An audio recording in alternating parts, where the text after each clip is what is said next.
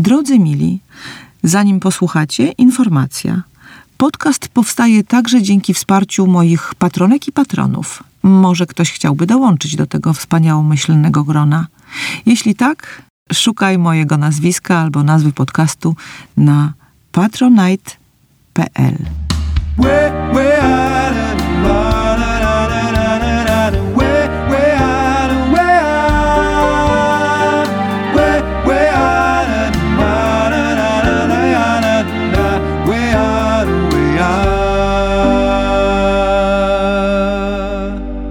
producentką głośnego filmu Sędziowie pod presją, poświęconego polskim sędziom i prokuratorom, którzy w czasach ataku na wolne sądy posłuchali głosu etyki i zostali za to ukarani. Zostali pozbawieni prawa wykonywania zawodu.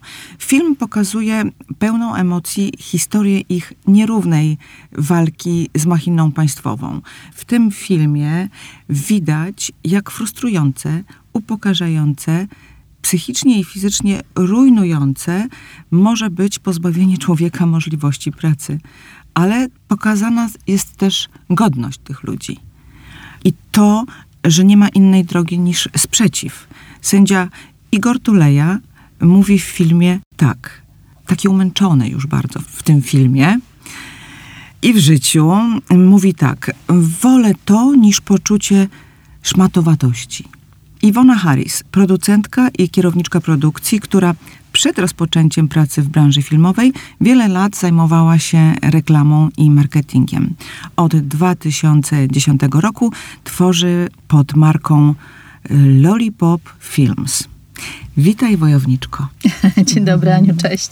Cieszę się, że w końcu możemy porozmawiać, chociaż film, którego treść zarysowałam przed chwilą, miał swoją premierę już rok temu a nawet może ciut wcześniej. Nawet rok... wcześniej, tak, tak 2001, e, tak. Mhm. Pod koniec, ale też to, to, nie było w Polsce wtedy. Tak, tak, tak. Mhm. Premierę mieliśmy na takim bardzo ważnym festiwalu prestiżowym filmów dokumentalnych na Itwie w Holandii.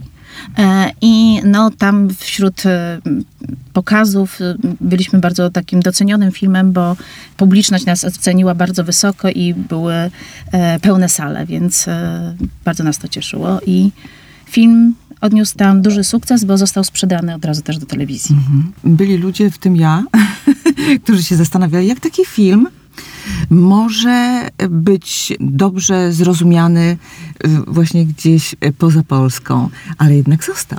Został, bo to chyba są uniwersalne wartości prawa człowieka e, są uniwersalnymi wartościami. Tam, gdzie jest łamane prawo jeszcze przez rządzących, no to znamy to z historii. To się niestety ciągle powtarza. To znaczy, to jest taka permanentna cecha władzy, że jak już ją mają, to już po prostu chcą wykorzystać i nadużywać. I e, to niestety tak, tak się dzieje. Będziemy y, sobie jeszcze rozmawiać o tym filmie długo i namiętnie, ale ja chciałabym, może nie owo, ale zacząć od tego, że ukończyłeś dziennikarstwo na Uniwersytecie Warszawskim oraz organizację produkcji w łódzkiej filmówce i przez y, wiele lat pracowałaś w reklamie i w marketingu. Co sprawiło, że zostawiłaś tę reklamę? Czy zmęczenie, czy marzenie? I jedno i drugie. Już, e, ale jeszcze muszę sprostować, bo ja nie skończyłam Wydziału Dziennikarstwa. Ja studiowałam na Wydziale okay. Dziennikarstwa. Nie skończyłam, zaszłam w ciążę i piękne życie wiodłam i pracowałam właśnie w agencjach reklamowych. Potem piękne właśnie życie poszłam. tak, ja byłam bardzo szczęśliwą mamą e, i rozwijałam się zawodowo, więc to, to wszystko było dobrze, ale nie w kierunku dziennikarstwa, tylko właśnie w reklamie i marketingu. I bardzo byłam chyba na miejscu. Czułam się dobrze w tym miejscu, w którym byłam. Lubiłam swoją pracę. Mm, jednak już z wiekiem, z doświadczeniem, z brakiem wyzwań stwierdziłam, że potrzebny jest nowy bodziec, coś, czego nie umiem, albo jakieś nowe wyzwania. I właśnie w wieku prawie 40 lat zdałam egzaminy do szkoły filmowej w Łodzi i skończyłam produkcję. I w bardzo... 40 lat. tak. Moje nie dzieci... piszesz w swoim bio. nie piszę, nie piszę.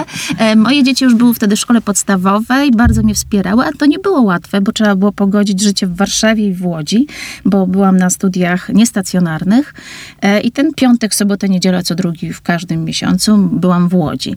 Ale wsparcie mamy, Był taty, support. dzieci, e, był support. To jest bardzo ważne, bo to są takie branże, w których bardzo trudno połączyć jedno z drugim. To właśnie życie zawodowe z życiem osobistym. Co tu dużo mówić? No nie jest łatwo, ale e, wydaje mi się, że jestem, to jest dla mnie dobry model pracy. To znaczy, ja lubię nowe wyzwania i nowe e, działania, nowe projekty i ciągle właśnie coś nowego. I nawet wtedy, kiedy nie jestem doskonała w tym swoim działaniu, tylko uczę się.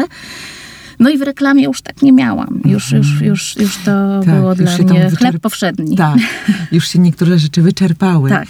Też tak sobie pomyślałam, że może to też jest wynik takiej potrzeby no, bycia niezależną. Tak, tylko że ja niezależną chyba byłam od długiego czasu, mam wrażenie. To znaczy, ja pracowałam od zawsze, tak naprawdę, e, jak tylko skończyłam szkołę średnią.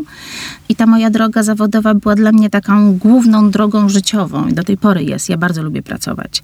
E, dzieci nawet może twierdzą, że za bardzo. e, ale, ale tak, ale tej, tej drugiej mojej sfery prywatnej nie zaniedbuję.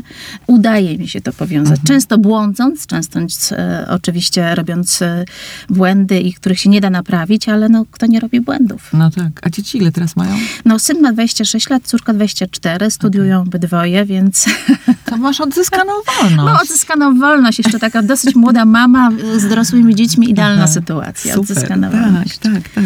W samodzielnej produkcji zadebiutowałaś y, w 2018 roku filmem dokumentalnym pod tytułem Pani na Korczewie. I tak, nosisz to samo nazwisko, co główna bohaterka tego filmu. Czy mogłabyś się z tego wyspowiadać? No tak. Byłam przez wiele lat żoną e, pana Harrisa i stąd to Okej. nazwisko. E, A bohaterka to jest? A bohaterka jest moją teściową, albo eks-teściową na dobrą sprawę, ale jesteśmy nadal rodziną, spotykamy się, żyjemy w dobrych relacjach i zarówno z mężem byłem, jak i z teściową. Tworzymy jeden dom, e, spotykamy się i mamy wspólne sprawy. Dzieci mamy. Ona ma wnuki, my mamy dzieci, dbamy o nie i dbamy o wspólny dom, bo tam, jak wiesz, tematem em, filmu Pani na Korczewie jest właśnie ten, ten niesamowity dom, który ma różne losy wojenne i przez tyle lat jest w rodzinie. E, Dom Pałac, co Tak. jest niecodzienne. Beaty Harris. Beaty Harris. No i próbujemy wszyscy, wszystkie ręce na pokład całej rodziny, niezależnie czy już ex-żony, czy, czy dzieci, czy wnuków, czy jeszcze siostry i brata em, mojego byłego męża. Więc, więc tak. Wszystkie ręce na pokład, żeby ten pałac no, nadal błyszczał. Błyszczała nawet odbudować, Bo bo, tak na dobrą trzeba sprawę, kiedy trzeba było go tak. odbudować, bo jak rodzina wróciła z Anglii do Polski i odzyskała, albo nawet odkupiła, ale za symboliczną złotówkę pałac, to, to on był w ruinie. I tylko ktoś, kto ma serce do takiego domu, mógł to tak dobrze wyremontować i tak dbać o to, by ten dom dalej żył. Niestety rok temu był pożar. I to, co zostało wyremontowane, no w dużej mierze ten ogień strawił. E, No niestety prace znowu trwają, czyli jesteśmy w takiej to sytuacji, że skończyliśmy remont i znowu zaczynamy remont.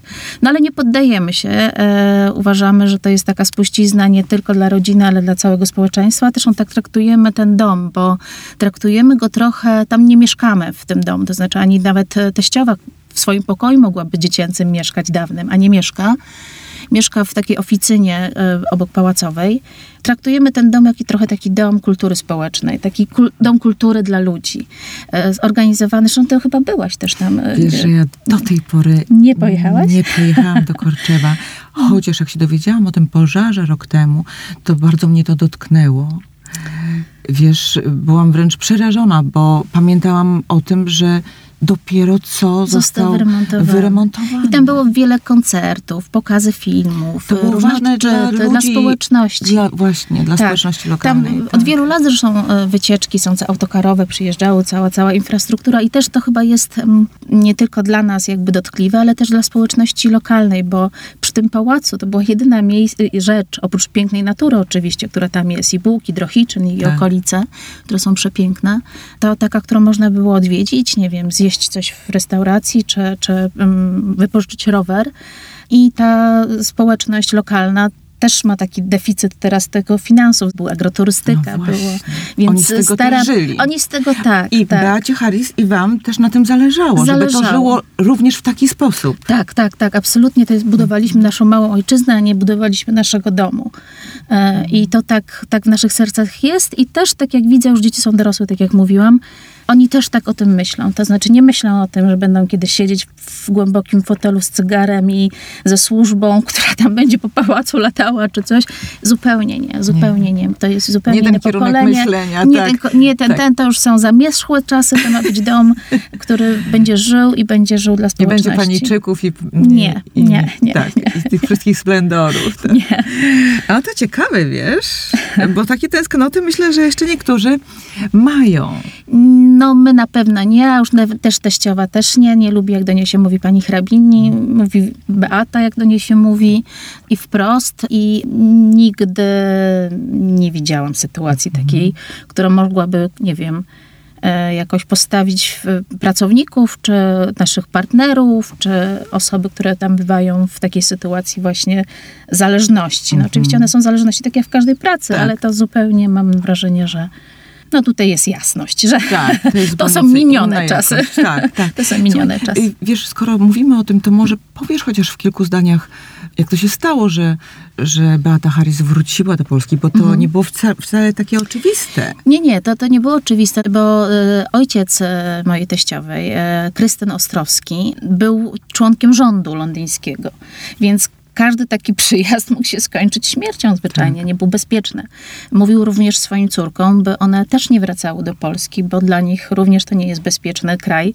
Dopiero mogły i pierwszy raz przyjechały tam pod koniec e, 80 lat i właśnie przywiozły prochy swojego ojca, bo jego marzeniem było i w testamencie prośbą, by, by właśnie prochy y, y, były w Korczewie i są.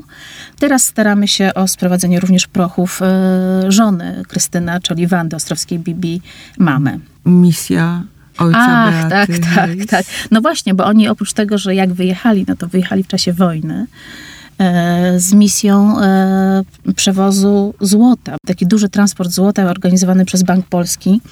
I w tej misji jako dyplomata, jako osoba, która po prostu otwierała drzwi wszystkim, bo Krystyn Ostrowski w młodości był, jeździł po całym świecie i zdobywał różne znajomości, mówił pięcioma językami, więc jego znajomości były bezcenne i, że tak powiem, zaprosili go do tej wyprawy. I okazało się, że z, dużym skutkiem, no bo wiadomo, że, że to się cała eskapada udała. Udała, tak. Mm, Bibi była wtedy małym dzieckiem, chyba siedmioletnim, e, i jechała ze swoją mamą i ze swoją babką samochodem prywatnym. Opowiada o tym, że to była długa droga, bo to była cała taka eskapada do Turcji, z Turcji do Portugalii. W Portugalii zamieszkali przez jakiś czas, potem jeszcze była chyba we Francji i potem dopiero do Anglii, a z Anglii do Polski. Pamiętam też z tego filmu takie kwestie świadczące o tym, że, że on strasznie tęsknił za Polską, że on w zasadzie usychał na tej emigracji. Tak, tak. On naprawdę bardzo kochał Polskę. E, Z, z przekazów,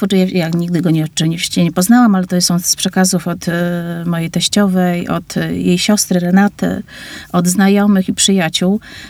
Pisał listy, więc też jest świadectwo w listach. Utrzymywał kontakt, będąc na emigracji ze swoimi pracownikami, rodziną i z tego jasno wynika, że tęsknił. Stąd też pewnie właśnie przewożenie tych prochów.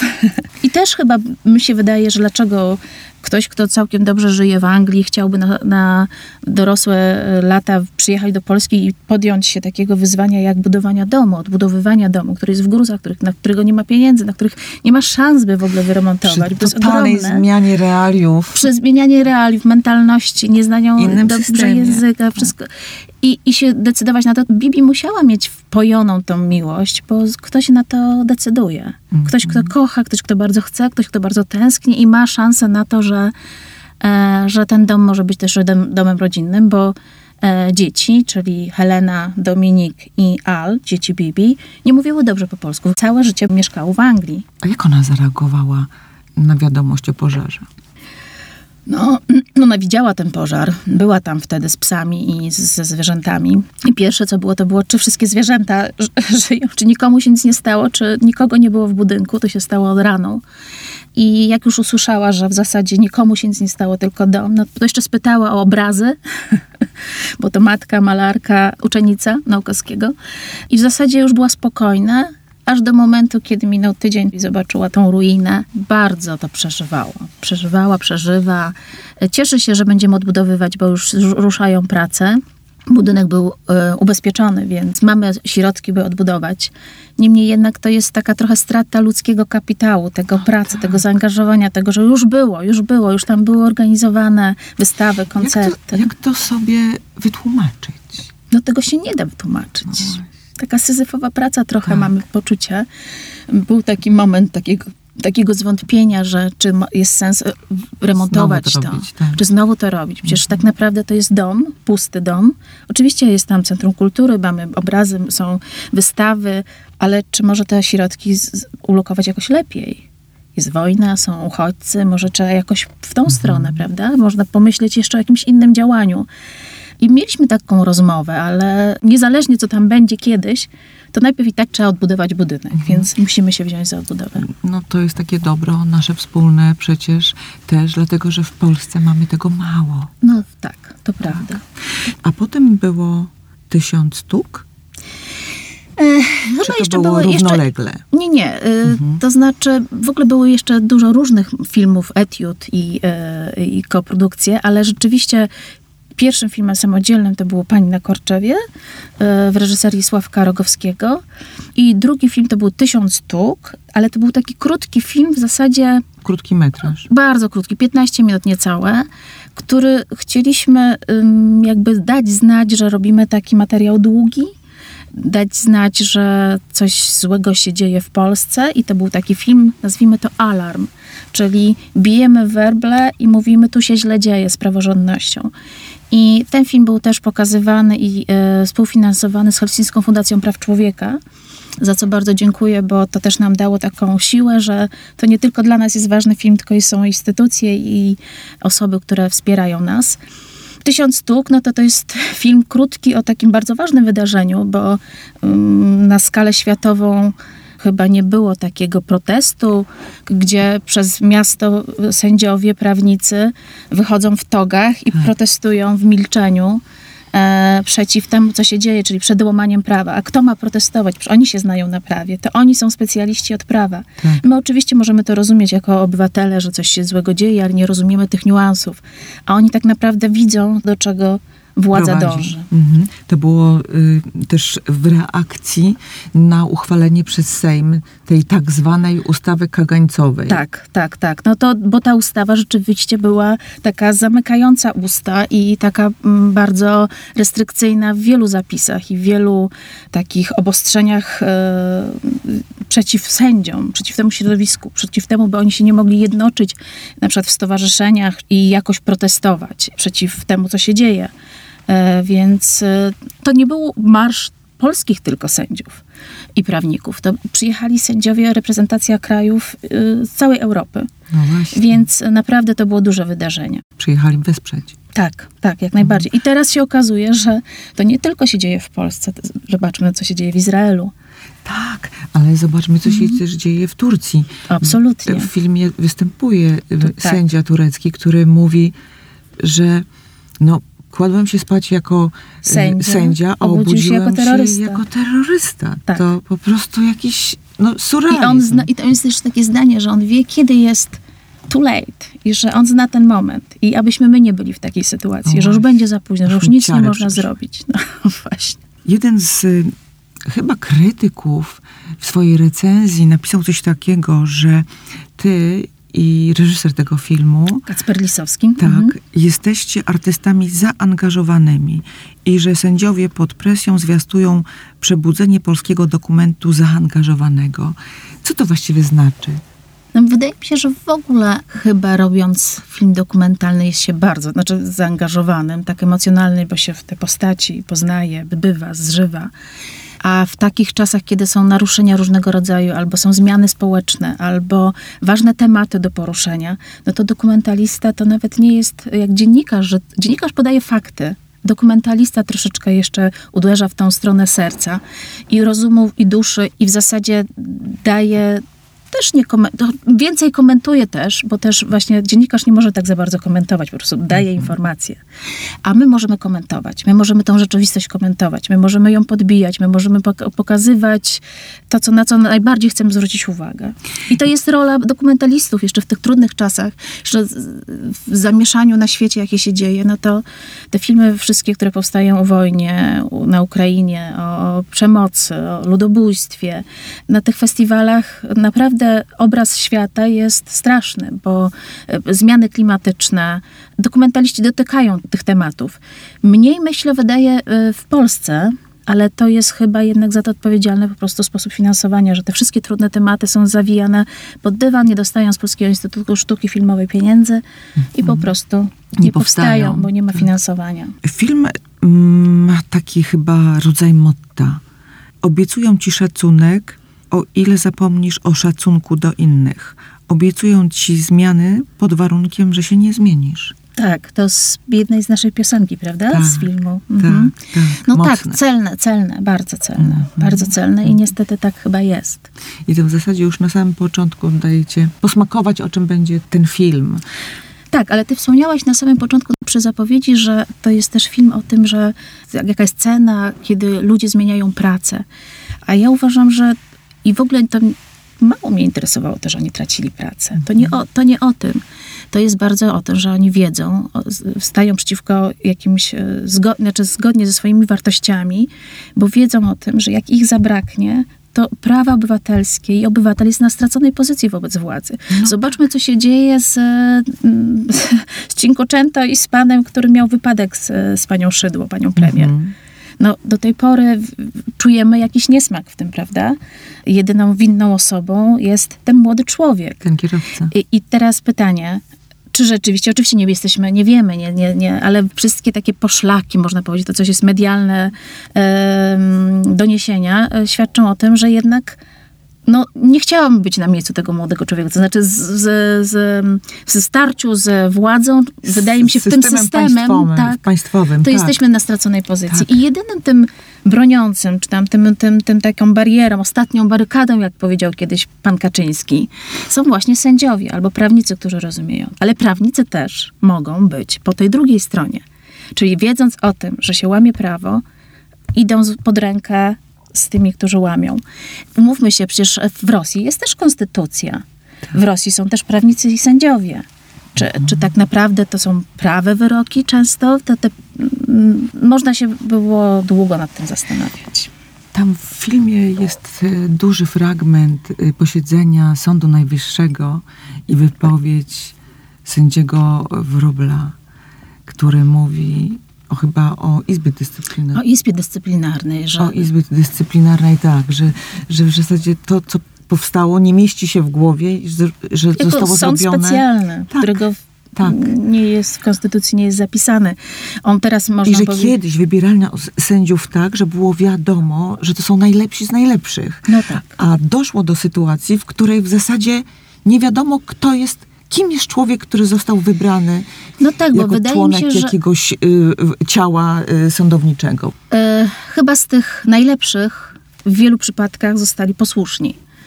E, moi bohaterowie naszego filmu z Kacpra i mojego e, są tymi, którzy nie chcą być posłuszni żadnej władzy.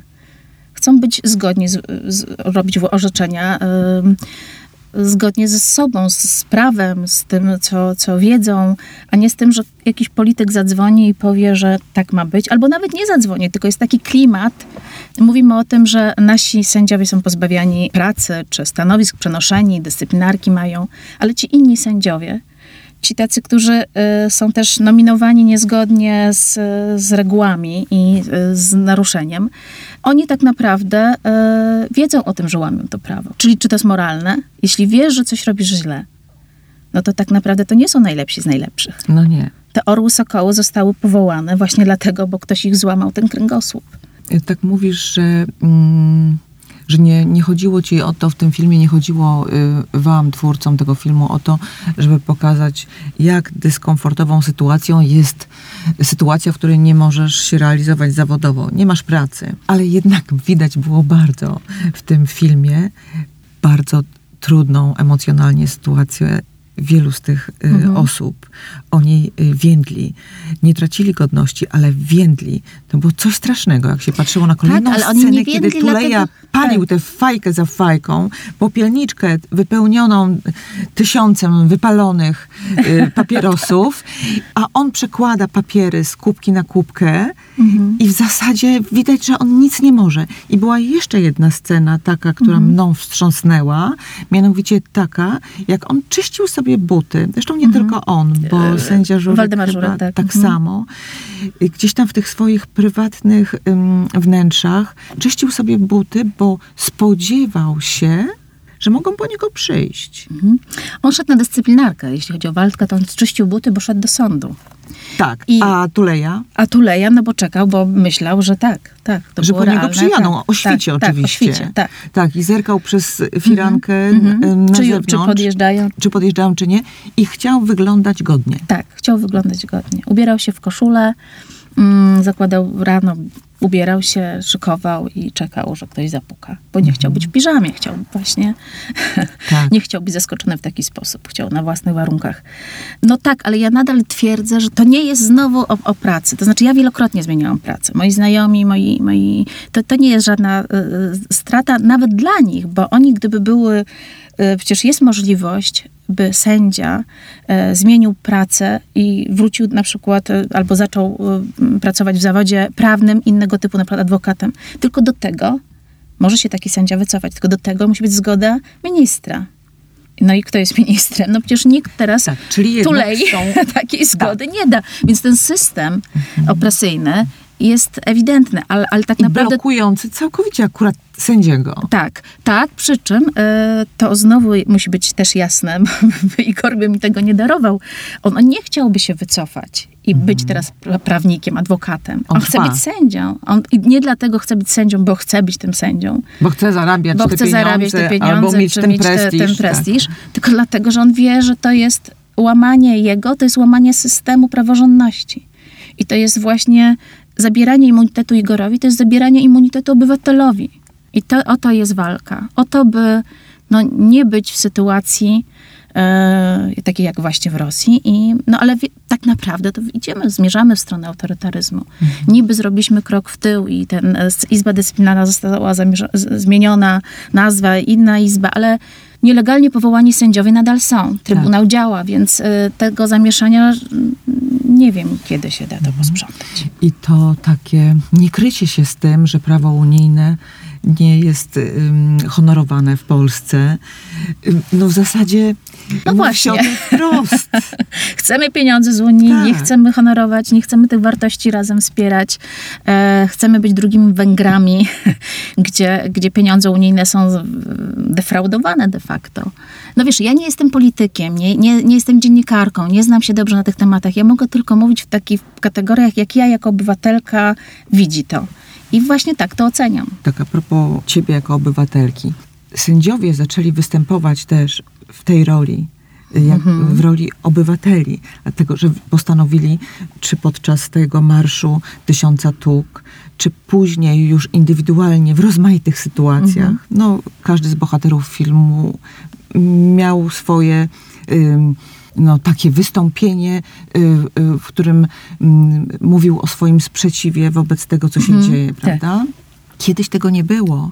Kiedyś sędzia był taką niedostępną instancją i rzeczywiście nie wmieściło nam się w głowie, żeby angażował się w tego typu sprawy. Tak, to prawda. Oni też sami o tym mówią, że kiedyś e, wy- wy- wypowiedź, wypowiadali się tylko przez swoje orzeczenia i nie mieli tej, tej, tej bliskości z obywatelem, e, ale uważają to teraz jako błąd. Bo no, kto ma bronić e, praworządności, jak nie ci, którzy się na niej znają i wiedzą, gdzie te naruszenia są robione? No właśnie ktoś ktoś, kto się na tym zna. I oni biją na alarm, uświadamiają społeczeństwo, mówią o tym, jakie są prawa i obowiązki, które są też w Konstytucji opisane. Te rozmowy, które oni prowadzą, ja byłam, no, w filmie też jest pokazane ten, em, pierwsze zdjęcia, które robiliśmy w ogóle, to są właśnie na, na Polandroków e, Jurka Owsiaka. I oni spotykają się z ludźmi, pokazują, jak wygląda podział, sala e, rozpraw, że jest prokuratora, oskarżyciel, że jest e, druga strona, obrońca, że jest sędzia. I jakoś przybliżają zbliżają. Tak naprawdę ja do momentu rozwodu to ja nigdy nie byłam w sądzie. E, a też w sądzie byłem jeden dzień, bo szybko to załatwiliśmy. Wiele osób nie ma takiego doświadczenia, ale też wiele osób, jeśli zdarzyło się mieć takie doświadczenie, to na pewno prawie 100% wychodzi niezadowolona z tego sądu. Bo nawet jeśli wygrałaś sprawę, to cały ten proces, ten długotrwała e, siedzenie na, na sali rozpraw, e, nerwowa sytuacja, nieprzyjemne e, zeznania, nieprzyjemne spotkania, e, pewnie czasochłonność, e, no niestety postępowania e, są coraz dłuższe. I to nie jest przyjemne. Więc nawet jeśli ktoś wygra, no to wychodzi, mówi nigdy w życiu i ci sędziowie, i ci prawnicy, to ja nie chcę mieć z nimi nic wspólnego, a jak przegrasz, no to oczywiście idzie cała lawina niepochlebnych rzeczy. Więc ci, ci sędziowie też mają bardzo trudną rolę, bo po prostu się ich nie lubi.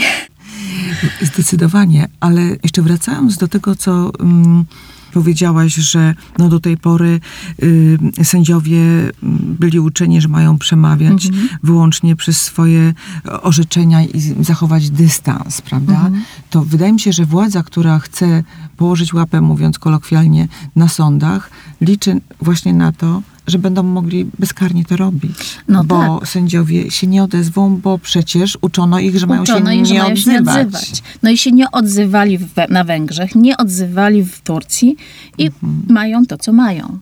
Jest too late, tak jak powiedział Tak. nasz turecki Tak. e, sędzia, a, a tak. byliśmy na festiwalu w, w Budapeszcie i też widzieliśmy, sędziowie byli zaproszeni i mm, jakaś takie pojedyncze jednostki przyszły. Mieli zakaz przechodzenia na film. Słuchaj, a teraz tak, powiedz mi, jak ci ludzie, bohaterowie filmu, zareagowali na propozycję wystąpienia w waszym filmie? Czy byli pewni tego, że powinni to zrobić, czy wręcz przeciwnie? Wydaje mi się, że były różne głosy, ale ja tak naprawdę nie byłam świadkiem tych rozmów. Ja dopiero jak już dostałam zgodę i taki e, zielone światło, to już byliśmy zapraszani i już było wiadomo, że, że będziemy realizować z nimi film i że są otwarci. Ale jak wcześniej rozmawiali między sobą, zanim jeszcze zaczęliśmy robić pierwsze zdjęcia, trudno mi powiedzieć. My mieliśmy trochę taką e, dosyć dobrą sytuację, bo tak jak właśnie mówiłam, że studiowałam na naukach politycznych na Wydziale e, Dziennikarstwa, studiowała ze mną sędzia Urszula Żółtak. I spotkałam się z nią w jakimś prywatnym przyjęciu, gdzie właśnie opowiadałyśmy sobie, dawno się nie widziałyśmy, co która z nas robi. Się okazało, że ona jest teraz sędzią i opowiadała o swoich działaniach, o działaniach justicji i o działaniach e, właśnie obywatelskich, proobywatelskich sędziów. I powiedziała, że to jest świetny materiał na film. A ja mówię, no ale przecież wy jesteście tacy skostniali, tacy hermetyczni. Gdzie Tacy ja, co ja tam bym mogła zrobić? Nuda. tak. No widzisz film Tak. z tytułem Sędziowie i już nie chcesz na niego przyjść na festiwalu. A Ona mówi, nie, nie jesteśmy tacy, przyjedźcie na festiwal Poland Rock, zobaczysz coś. I- ona mi otworzyła te drzwi. I, i tak naprawdę dzięki Urszuli Żółtak e, wydawało mi się, że to jest jakkolwiek możliwe. Potem im więcej poznawaliśmy się, e, Kacper e, rozmawiał z sędziami, ja rozmawiałam z sędziami, sp- spotykaliśmy się, byliśmy w prywatnych sytuacjach, ale zawodowych, czasami bez kamery, czasami z kamerą. E, I tak powoli, powoli zyskiwaliśmy zaufanie. Zyskaliśmy też również zaufanie tym, że, że byliśmy wszędzie tam, gdzie działo się coś e, bardzo ważnego i tam, gdzie jakoś ta kamera, oko kamery broni też e, na ulicy, e, nie wiem, demonstrantów, e, przy przemówieniach sędziów, bo jesteśmy po prostu z nimi i oni też czuli się z nami bezpieczniej. Zabezpieczaliśmy materiały. Mieliśmy e, różne dyski, które miał i Kacper, czyli reżyser filmu, i ja miałam.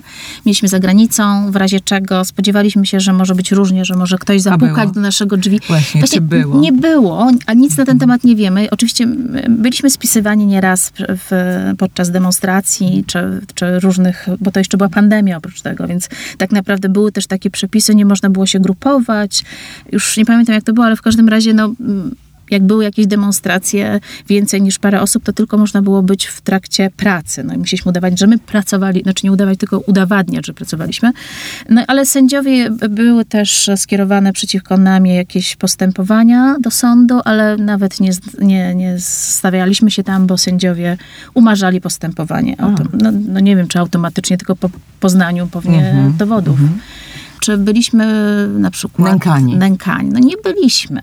Nękani chyba zaczęliśmy być w momencie, w momencie, kiedy ten film wyszedł na światło dzienne, kiedy było już po premierze i kiedy nasi rządzący pisali listy na przykład do dyrektorów festiwalu, albo tak jak w Czechach, e, nasz e, ambasador w Czechach czy zastępca ambasadora, bo wtedy chyba to jakieś były roszady tam w Czechach, e, wystosował jakąś notę dyplomatyczną do, Ministerstwa Spraw, do ministra spraw zagranicznych Czech, by nasz film otwierający festiwal One World w Pradze e, no nie był dopuszczony do, do, do e, emisji. Oczywiście i minister prawdopodobnie mm, nie zgodził się z takim twierdzeniem i sama dyrektorka, dyrektor festiwalu też nie zaakceptował. No Odpowiedź była negatywna i że mhm. oni sami ustalają swoje e, programy, programy mhm. festiwalowe.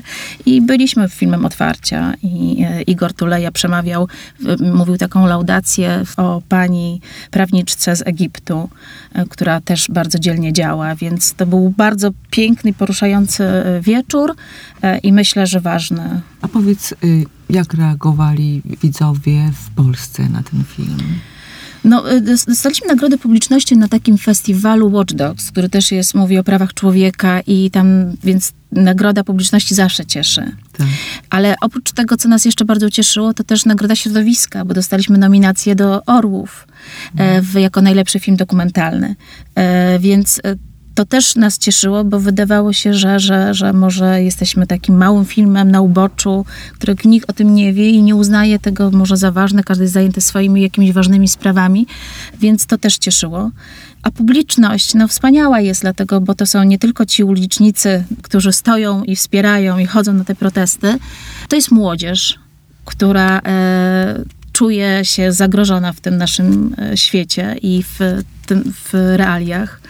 To były osoby w, w małych miasteczkach, e, w dużych miastach, e, więc i wszyscy byli pod wrażeniem tej postawy naszych bohaterów. Mhm. Bo tak naprawdę no, film jest silny siłą tych naszych bohaterów. Tak ich niezłomnością. Ich niezłomnością, ich charakterem. I daje chyba taką, pomimo, że no wiadomo, jeszcze się walka nie kończy, ale daje chyba jakąś taką nadzieję, że skoro ktoś może być tak silny w, i stać w tych swoich postanowieniach tak długi czas, to może my, obywatele, też musimy ich wspierać. Zresztą Igor Tuleja bardzo często to potwierdza, po, po, jakby mówi o tym, że bez obywateli nie byłoby też tego ruchu e, sędziów, bo oni pierwsi zauważyli, że e, dzieje się, jakieś naruszenia są, a potem e, jakby razem sędziowie e, z obywatelami e, protestowali.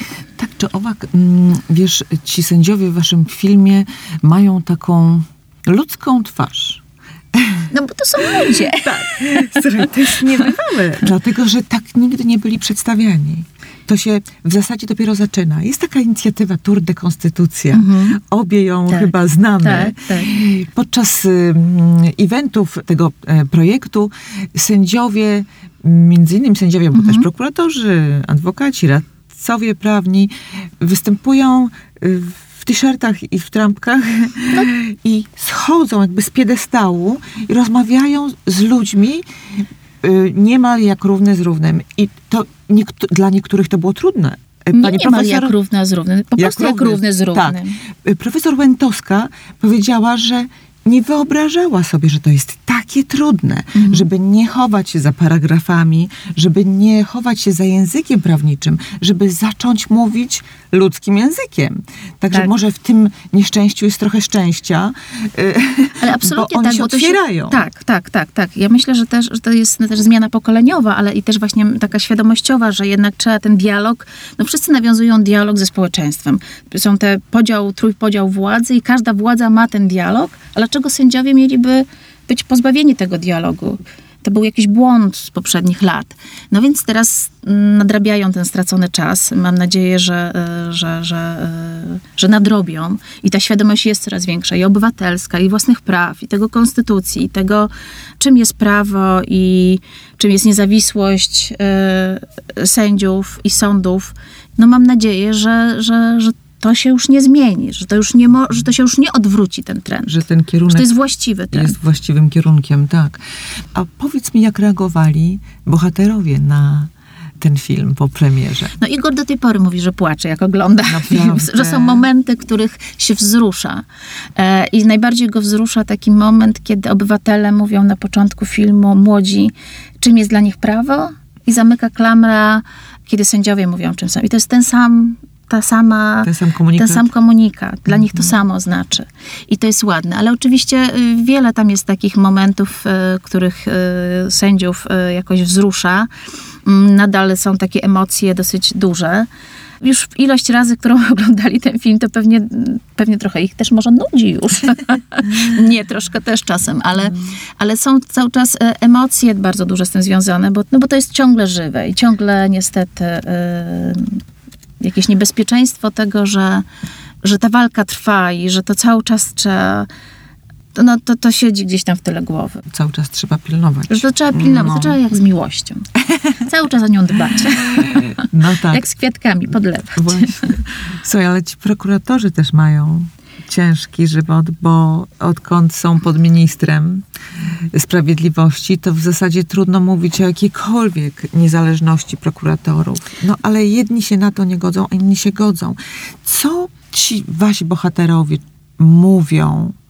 Nie pamiętam, czy w filmie jest o tym mowa, ale co mówią o tych innych, którzy się nie opierają, nie buntują. Ja myślę, że oni, chyba wprost nie ma takich rozmów, ale rzeczywiście to jest to, że to są te pomiędzy rozmowy, jak na przykład rozmawia Igor z Krzysztofem Parachimowiczem i mówił właśnie też o, o tych postawach, że jak ktoś się zeszmacił, to, to, to, to już potem nie ma tego powrotu. Tego, że te kręgosłupy raz przetrącone już się trudno naprawić. Mało tego, jak ktoś się zeszmacił, to kimś, kto reprezentuje inne wartości się nie zeszmacił, mhm. widzi wroga.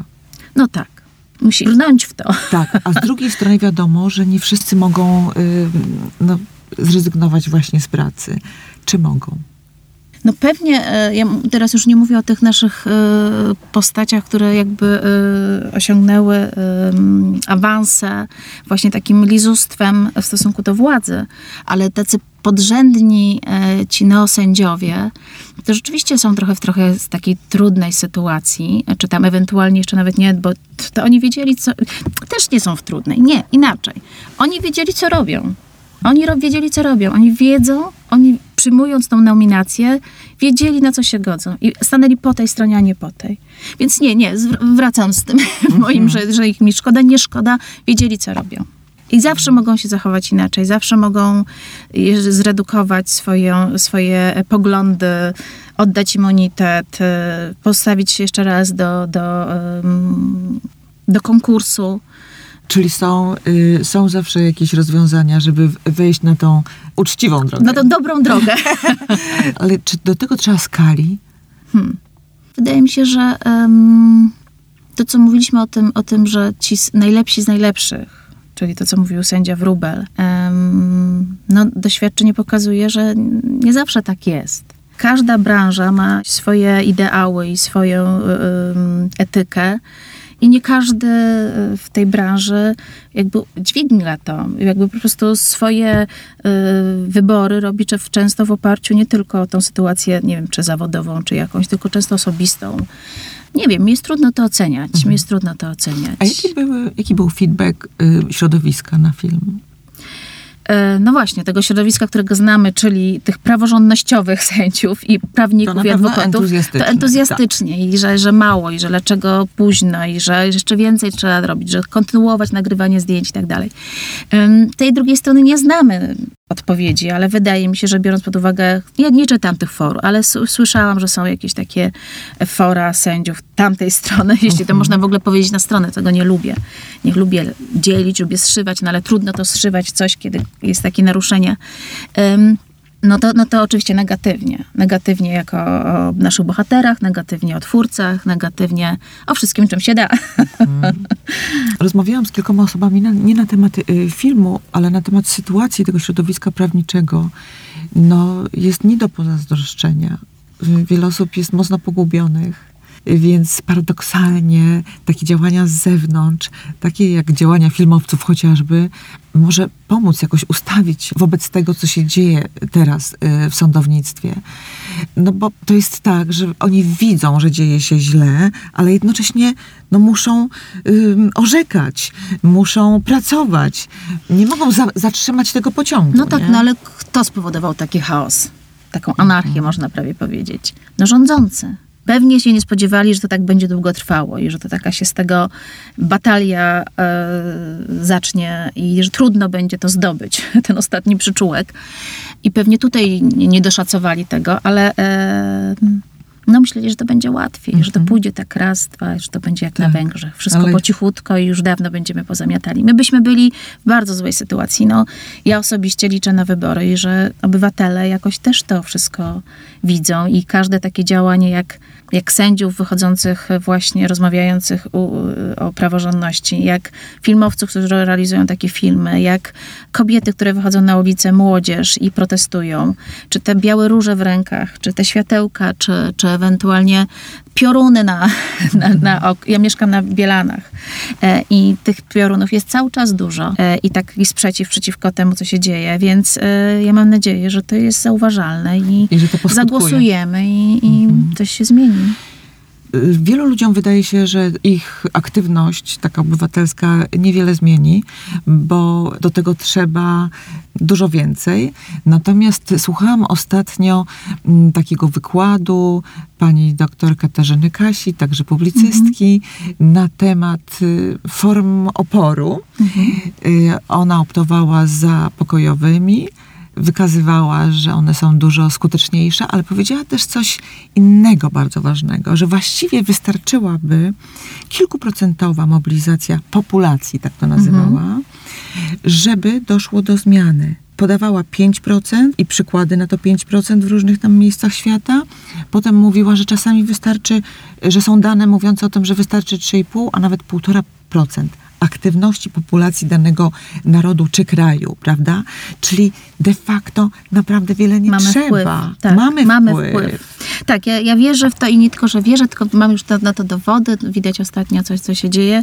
Tak, my mamy wpływ i to, ten sprzeciw ma, e, ma sens i to też widać w tych orzeczeniach, które da, przez Unię y, są w ramach y, Komisji Europejskiej, Unii wydawane, to, no to, no to tak, to, ma, to, to mhm. jest pewnie nacisk społeczeństwa, że to nie jest tylko tak, że to politycy albo grupa społeczna chcą czegoś, społeczne w tym sensie zaangażowanie polityczne, tylko obywatele tego chcą. Obywatele chcą być w Europie, tak myślę, że tak właśnie jest. Obywatele chcą y, mówić głośniej o prawach człowieka i chcą pewnie y, mieć świadomość tego, że, że, że są po stronie zachodniego cywilizacji, a nie wschodniej i y, że będą w tym rozwijać, jakby ich dzieci rosły, prawda? Mhm. Słuchaj, a co dla ciebie osobiście było ważne e, w tym całym przedsięwzięciu, jakim był film Sędziowie pod presją? Um, tak, tak zupełnie osobiście, tak, w czym jest. Tak. No chyba taki mój własny sprzeciw, taki mój własny, że ja nic właśnie nie mogę robić, ale jednak pokażę, że może mogę. W tej własnym ogródku mogę zrobić to, czyli mogę zrobić film, no co ja mogę zrobić? Ja nie, mogę, ja nie umiem chodzić na, chodzę na te wszystkie protesty, ale ja nie umiem głośno krzyczeć. E, nie, nie, mogę machać różą i stać. E, no więc krzyczę przez mój film. I bardzo się cieszę, że e, miałam takiego partnera jak Kacper Lisowski, e, który e, razem z tym szliśmy i rozumieliśmy się bardzo dobrze i wspieraliśmy, bo to był taki dwa i pół roku, na dobre i na złe i efekt tego jest taki, jaki jest. Bardzo, bardzo się cieszę i dziękuję Kacprowi za ten film. Twoje zaskoczenia, jeżeli chodzi już o kontent, o treść tego dokumentu? Czy było jakieś zaskoczenie? No nie, zaskoczenie, zaskoczenie nie, no zaskoczenie było to, co się ciągle działo, to znaczy ciągle coraz trudniej i coraz większy e, zamęt w praworządności. To było zaskoczenie. Już dla mnie zaskoczenie było chociaż na samym początku. My jeszcze tego nie filmowaliśmy, jeszcze my, nie byliśmy w zdjęciach, ale pamiętam jak, no najbardziej zszokowało mnie chyba już w 2016 roku, kiedy e, była ta sprawa z drukowaniem wyroku, który nigdy nie został chyba wydrukowany i były protesty pod e, chyba Ministerstwem Sprawiedliwości, e, gdzie e, wszyscy domagali się, Beata, drukuj ten wyrok. E, I to było zaskakujące, coś, co Mhm. było jej obowiązkiem, coś, co, co wydawało się naturalną koleją rzeczy, nie, nie było robione. Czyli znaczy, że to rządzący mogą robić, co chcą. Co chcą i nie stosować się do prawa. Tak, no, na to wyszło. Wcześniej, zanim podjęłaś pracę nad tym filmem, no, wiedziałaś, co się dzieje, Mhm. ale rozumiem, że przy produkcji uświadomiłaś sobie to jeszcze bardziej. Tak jak nawet teraz się w naszej rozmowie gubię czasem słowo orzeczenie, wyrok, co, wiesz, to, to nie jest mój naturalny e, Tak, język, którym codziennie tak, operujesz. Tak, tak. tak. E, Ja się tego uczę e, i uczyłam się podczas całego filmu. Uczyłam się, czym jakie są role i kto co robi na tej sali sądowej.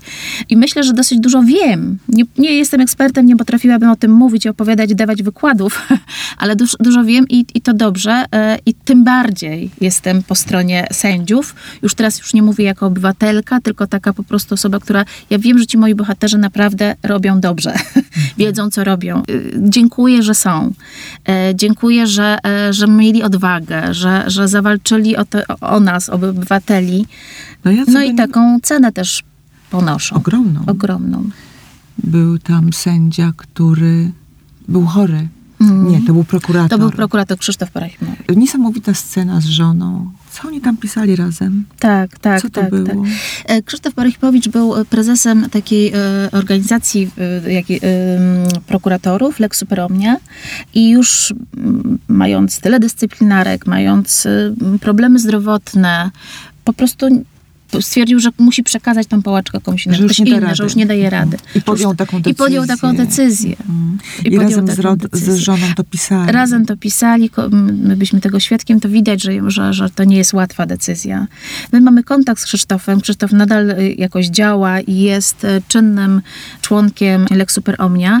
To jest największe, a może nawet jedyne zrzeszenie, Stowarzyszenie stowarzyszenie e, prokuratorów. Niezależnych. Niezależnych, tak, tak. Czy niezależne stowarzyszenie. No jakoś tak. E, I e, no tam są y, fajterzy.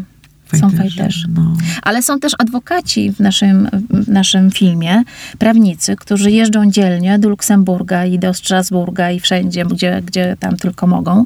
I bronią na- bronią naszych sędziów, na bronią praworządności. Żurka. Bronią żurka. Takie to bronią... było też fajne, że Tak, rzeczywiście tak. on mógł liczyć na tych swoich kolegów z branży. Tak. Tak, wspierali go, omawiali się, Mhm. y, omawiali sprawy i swoje wystąpienia tak. w hotelach y, przed, y, mm, przed rozprawami. Waldek ma chyba w ogóle dwudziestu paru pełnomocników i wszyscy pro bono, więc tak naprawdę to jest rzeczywiście taka duża konsolidacja środowiska, którym zależy na tym samym. Czyli te wartości nie tylko dla sędziów, prokuratorów, ale dla pewnej grupy, y, dużej grupy pewnie rzeszy adwokatów. Oni chcą też w przyszłości Tak. pracować Tak, w miejscu, dokładnie. gdzie, gdzie spodziewają się, że Nieskalanym. argumenty Tak. prze, zwyciężą, a nie, że sędzia będzie wiedział od początku, jaki jest wyrok. No bo a po co? nielojalność No nielojalność. w stosunku tak, do tak, władzy. tak. Tak, No on jest też y, pokazany w takich scenach domowych i też to jest zupełnie niezwykłe i chwytające za serce. Pierwsze sceny z nim to chyba jak na polu. On na Tak, polu, tak, gdzieś tak. tam w takich roboczych ciuchach. Bo początkowo się nie drewno. zgadzał na to, byśmy weszli do domu, więc na Aha. początku były... Tak trzymał trochę nas z dala od tej rodziny, co z oczywiście z względów jest zrozumiałe. I ja Jasne. jako matka to też to rozumiem. Tylko tak bardzo już się zżyliśmy, tak bardzo już byliśmy blisko i tak bardzo na tym samym wózku można powiedzieć. No nie, tym samym wózku to nie, to daleko nie. No ale jak gdyby w tej, rozumieliśmy to nieszczęście, to co się dzieje, że, że już po prostu jak jedliśmy śniadanie, to już tej kamery się nie wyłączało, to ona już tam stała. Tak. Mamy takie sceny z jajecznicy, żyjemy albo Okej. e, które nie weszły do filmu, ale to już po prostu była. I one się już, te, te, te dzieciaki już biegały pod, przy tej kamerze, już wszyscy się za, zachowywali spokojnie. Małe dzieciaki zresztą. No tak. No tak. Słuchaj, to teraz nad czym pracujesz? E, Zrobiliśmy z Kacprem jeszcze e, jeden e, taki serial ważny, zaangażowany, bo em, to było na zlecenie stacji Viaplay, stream, stacji streamingowej i to był 10 odcinków pomocy polskich obywateli dla ukraińskich obywateli i serial nazywa się Human to Human i można go zobaczyć. To jest takie 10 epizodów różnych postacie, które przyjmują do siebie na przykład obywateli Ukrainy albo robią kanapki, zupy na granicę, e, wspierają e, młodych ludzi w ich talentach. E, no życie takie codzienne już tu w Polsce. Nowe Tak. domy. To też jest bardzo ważne, żeby to pokazywać, że byliśmy też fajni, że byliśmy wręcz świetni, że byliśmy wręcz bohaterscy, pomagając wtedy, kiedy ta fala uchodźców była naj, największa. Zresztą do tej pory pomagamy, ale wydaje mi się, że właśnie bardzo mm, ważne jest, żeby sobie o tym przypominać i żeby się cieszyć tym, bo mm, przychodzi zmęczenie, przychodzi mm, czasami nawet y, jakaś irytacja, że to się nie kończy, prawda, że potrzeby są coraz większe. Więc to są bardzo ważne przedsięwzięcia moim zdaniem, bo dzięki nim też możemy lepiej o sobie myśleć. Bo Tak. myśmy tak zaczęli trochę źle o sobie myśleć, że sobie zafundowaliśmy takie okoliczności polityczne, prawda? No tak, ale też trzeba pamiętać o tej granicy drugiej, Tak, białoruskiej. tak, tak. Gdzie tam jeszcze daleko do tego byśmy do się dobrze... Tak. Chociaż też jest grupa ludzi, y, która się y, sprzeciwia y, temu, co robią I nasze słusznie. służby i słusznie. I też bardzo pomagała i pomaga. Tak, tak, No. tak. No dobrze, to w takim razie y, bardzo dziękuję za tą rozmowę. Cieszę się, że wytrzymałaś, klaustrofobiczko. No właśnie, bo jesteśmy zamknięci w takim małym studiu i ja bardzo cierpię z tego powodu, no ale jakoś idzie dobrze. tak, tak, tak. Dziękuję ja serdecznie, No. dziękuję bardzo serdecznie i przepraszam, że ten cały... E, czasem nie potrafię znaleźć słów. Proszę Ale cię, nie jestem płyniesz, płyniesz, jesteś, jesteś filmowczynią. Właśnie. Tak, także rób dalej te zaangażowane filmy. Dziękuję. Dziękuję bardzo.